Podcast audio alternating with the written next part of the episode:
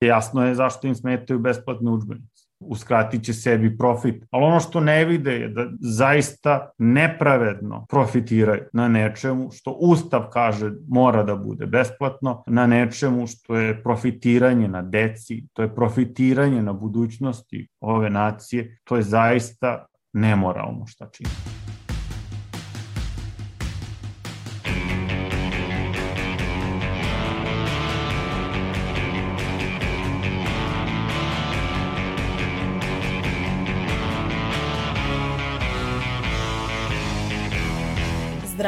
Slušate podcast Reagu i nezavisnog društva novinara Vojvodine.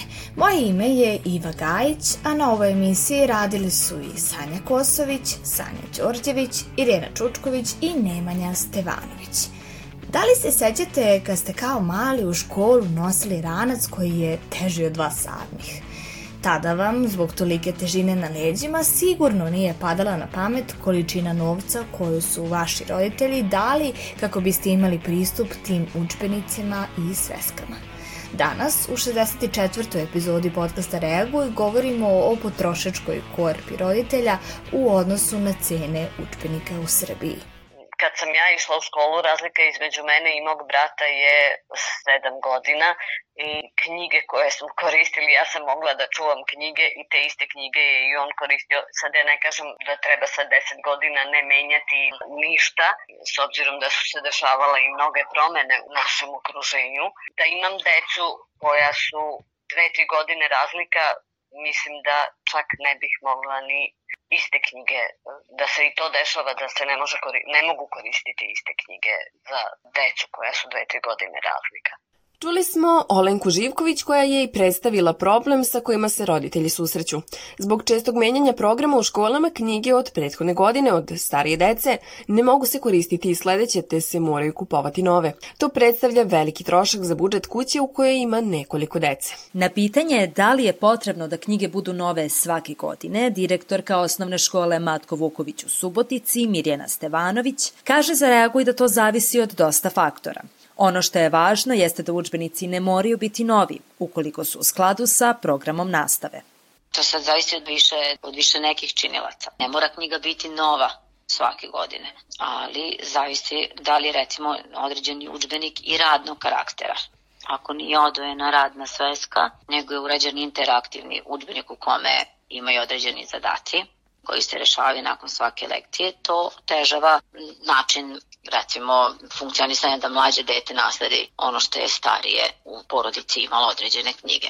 Ali se dešava i da dođe do promene programa rada i kada se menja program rada, onda izdavači se trude da prate te promene i da u skladu sa time naprave novi učbenik i onda mora se nabavi novi učbenik. Mm. To su neke stvari koje, ali u suštini ako je isti udžbenik i ako se nije ništa menjalo od proteklih godina u samom programu, onda i nema promene u udžbeniku, može da se koristi stari udžbenik. Sa ovim se slaže i učiteljica u osnovnoj školi Goran Ostojić u Jagodini, Dragana Gajić, koja kaže da se stari učbenici mogu koristiti, a da se u ove školi učbenici menjaju na četiri godine. Što se tiče upotrebe starih učbenika, moguće je kod onih koji nisu radni učbenici bez popunjavanja. A uglavnom učenici nižih razreda pišu grafitnom olovkom, tako da može i da se briše. Učbenici se menjaju pa na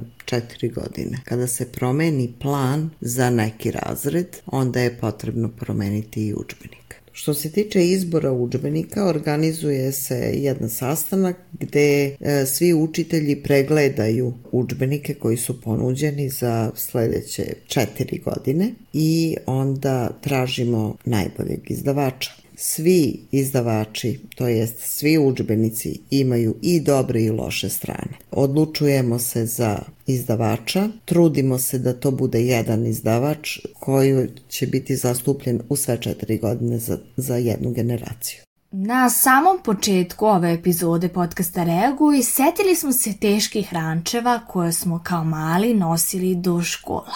Učiteljica Gajić kaže da je u školi u kojoj ona radi praksa da se neki učbenici ostave u školi. Pošto je školska torba stvarno teška, onda svaki učitelj po svom nekom izboru neke učbenike ostavlja u školi, neke nose, ali se trudimo da što manje knjiga učenici nose svakom dana. Za visoku cenu koja raste svake godine mogao bi i trebao bi da se očekuje i visok kvalitet kao kontrausluga. Ipak u praksi nije tako. Osim što učbenici fizički ne izdrže do drugog polugodišta, desi se i da stignu pred kraj školske godine kada više nisu potrebne, navodi Olenka Živković. Ja što se tiče samo kvaliteta učbenika, mogu da kažem da sam kvalitetom onim što se nudi knjigama relativno zadovoljna, ali nisam zadovoljna nekim fizičkim. Prosto knjige se nisu dobro zalepljene pa ispadaju pa onda imamo probleme. Nekad knjige ne stignu do početka samog drugog polugodišta recimo. To je veliki problem jer deca prvo polugodište ne mogu ili bilo je situacija da su knjige stigle u maju, a u junu se završava škola. Posle su se to ispravljali, recimo treba jako paziti na to da knjige budu na vreme spremljene za nastupajuću školsku godinu. Kao što smo već spomenuli, spomenuli, sami učbenici se često menjaju na godišnjem nivou. Sanja, čini mi se da ti imaš neku anegdotu baš o promeni učbenika, zar ne? Tako je, Iva. Iako imam pet godina starijeg brata koji je išao u istu osnovnu školu kao i ja, njegove knjige su za moj program bile neupotrebljive. I kako su cene iz godine u godinu rasle, majka i ja smo sa punim rančevima polovnih knjiga od prethodne godine išli za Skupštinu u Beogradu da razmenjujemo ove stare za polovne knjige za sledeću godinu. Postojala je mogućnost da se za par knjiga od prethodne godine dobije polovna knjiga ili radna sveska za sledeću. Međutim, sve češće i češće se dešavalo da preprodavci nisu hteli da prihvate užbenik jer se više ne uklapa u program i ne koristi ga ni jedna škola. Inače, razlika između mojih polovnih i novih užbenika bio je drugačiji raspored lekcija, poneka promenjena slika ili drugačije dizajnirana tabela i to je to. Suština lekcija nije bila izmenjena. Ćelija je osnova građe i funkcije svakog živog bića u svakoj knjizi za biologiju. E, čak sam i volela da ostavljam beleškice, naravno olovkom, za sledećeg đaka koji bude koristio tu knjigu. Poslednji put kada smo majka i ja išli da menjamo knjige, u kojima sam tokom cele godine brižljivo ostavljala porukice, sve knjige završile su u podzemnom kontejneru jer ih niko nije hteo, čak i bez ikakve naknade jer ih više ni jedna škola ne koristi. U drugoj polovini aprila ove godine na adresu škola u Srbiji stigli su spiskovi odobrenih učbenika za osnovne i srednje škole – u školskoj 2021. i 2022. godini. Prosečne cene se kreću između 8.000 dinara za prvi razred osnovne škole do oko 15.000 dinara za peti razred. Cene se za svaki naredni razred u osnovnoj školi povećavaju jer učenici dobijaju nove predmete. Komplet za osmi razred osnovne škole iznosi do 17.000 dinara, što zavisi od e, izdavača i nastavnika koji ima mogućnost da bira između nekoliko ponuđenih. Kao olakšica roditeljima u velikom broju škola, kompleti učbenika koje će deca dobiti u septembru mogu se platiti u više rata. Direktorka Mirjana Stevanović kaže da u školi u kojoj ona radi već godinama ne nabavljaju knjige, već roditeljima daju spisak potrebne literature.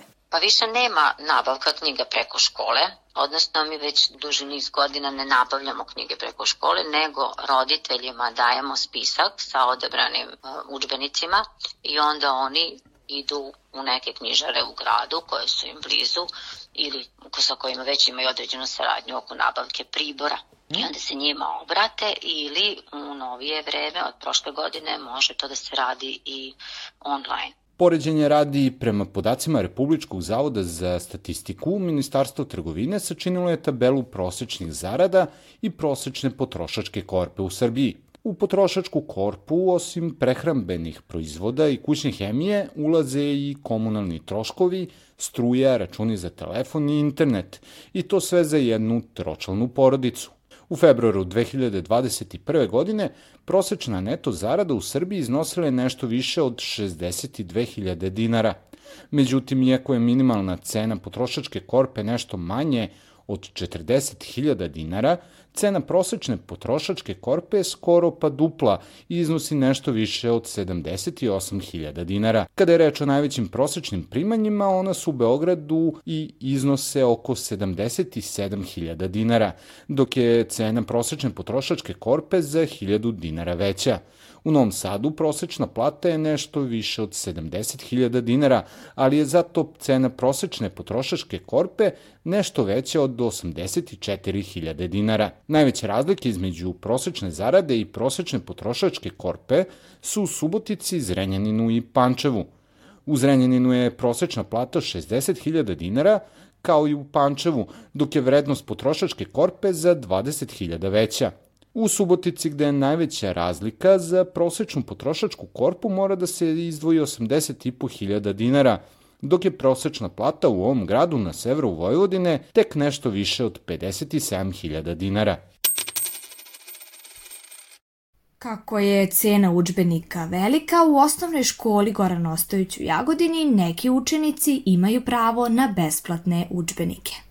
Roditelji koji ne mogu da priušte e, da kupe nove učbenike, obično im škola obezbedi učbenike od prošle godine od nekog učenika, ako već nemaju svoje dete koje je završilo taj razred. Pravo na besplatne učbenike imaju korisnici socijalne pomoći. To su uglavnom u našem gradu romska nacionalnost i ugrožene porodice. Zatim učenici koji se školuju po IOP-u, to jest individualnom obrazovnom programu i svi koji imaju tri ili više deteta u školi. Na kraju svake školske godine, već krajem aprila, škola organizuje anketiranje e, roditelja, daje im uslove koje treba da ispune da bi bili na spisku za besplatne učbenike.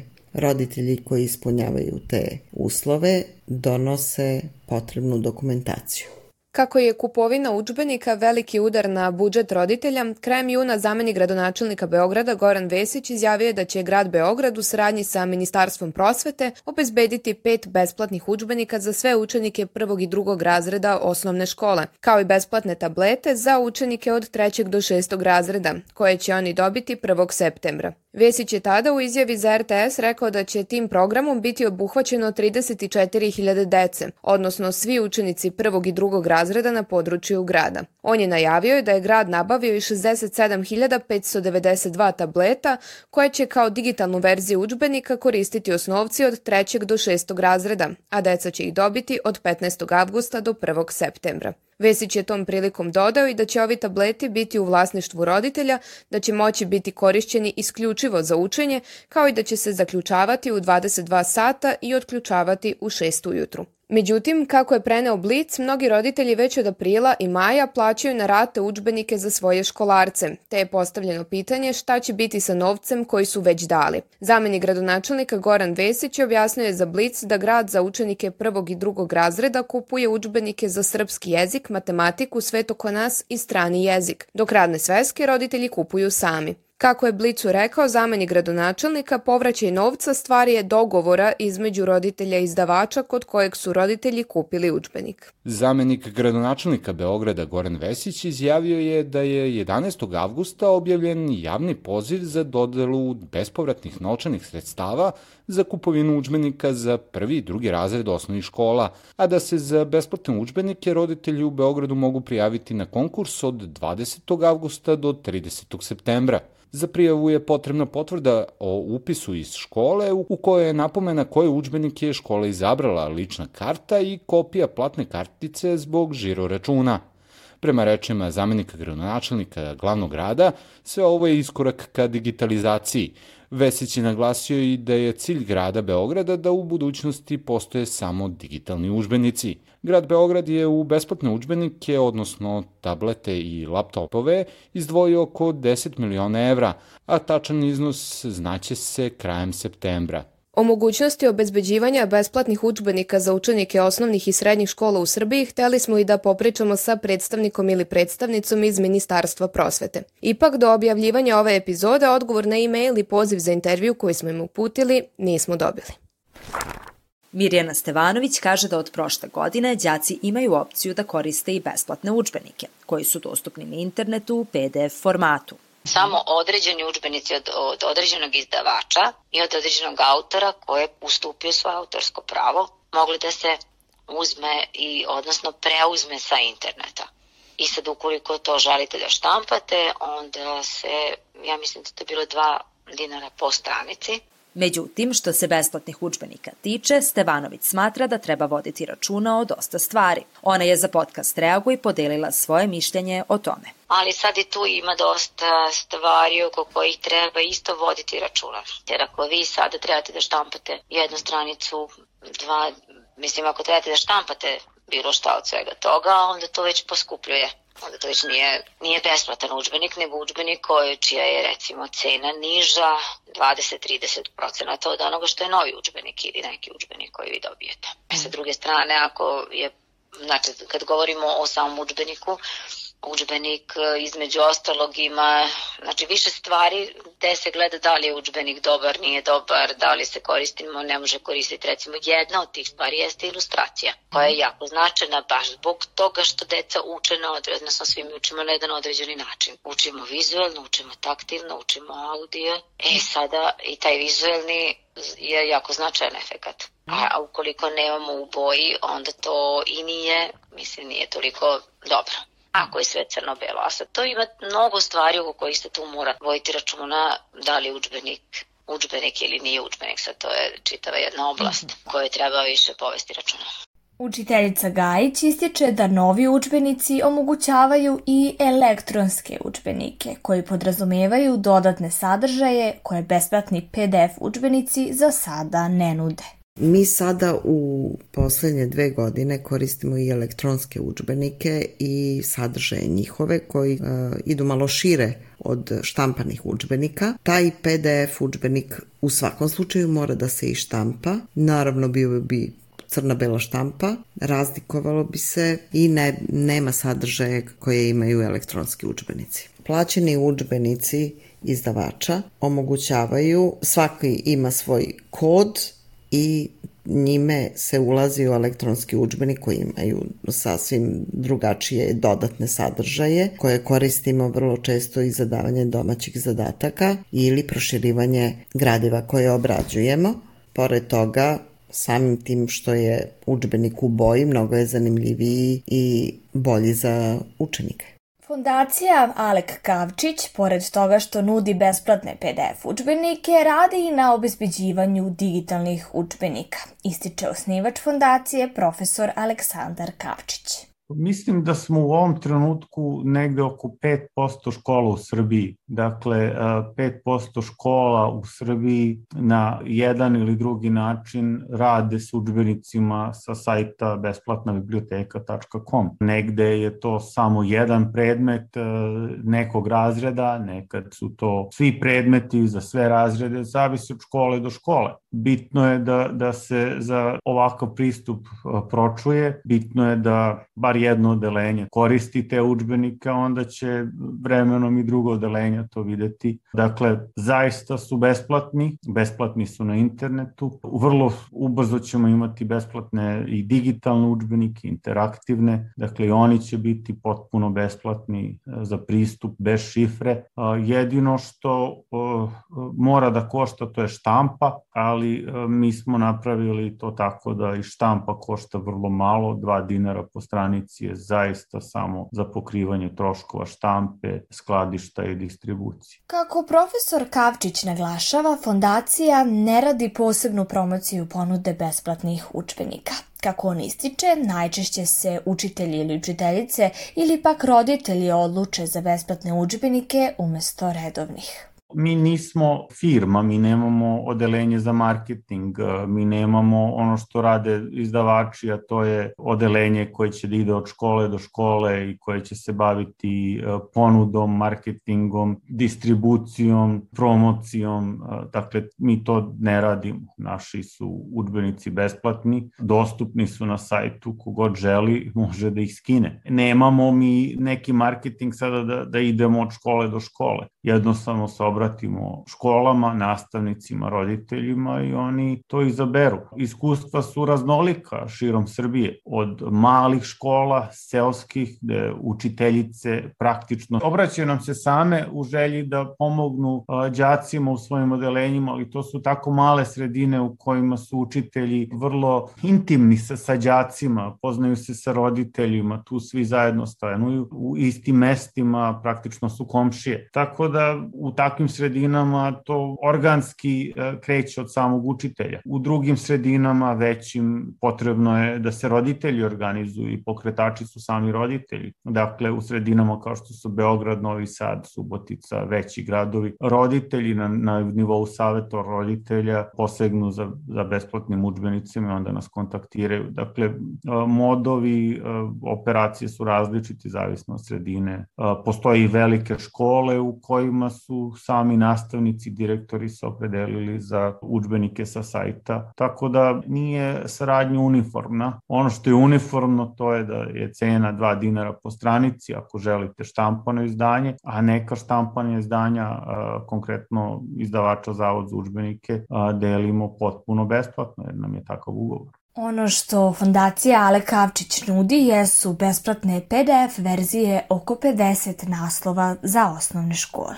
Ako pogledate sajt, tamo se nalazi oko 50 naslova. 50 naslova je dovoljno da se pokrije pola osnovne škole. Za osnovnu školu je potrebno imati uh, oko 100 naslova, tačnije 108, ali 48 naslova su strani jezici. Tako da ako izuzmemo strane jezike, 60 naslova pokriva osnovnu školu i mi se trudimo da dođemo do tih 60 naslova. Neke učbenike to je pisanje nekih učbenika finansiramo sami, a, negde dobijemo pravo da te učbenike stavimo na internet. U svakom slučaju cilj je da učbenici budu dostupni na sajtu svakome besplatno, da se od toga ne pravi neka fama, da se na tome ne zarađuje enormno, kako to danas rade izdavači u Srbiji i a, ako izađemo i, i, iz tog kola u kome se očekuje enormna zarada a, za, za učbenike, mislim da smo na pravom putu. Profesor Kavčić ističe da su svi učbenici slični, ali i da učitelji i učiteljice znaju da prenesu znanje bez obzira na vrstu učbenika koju đaci koriste.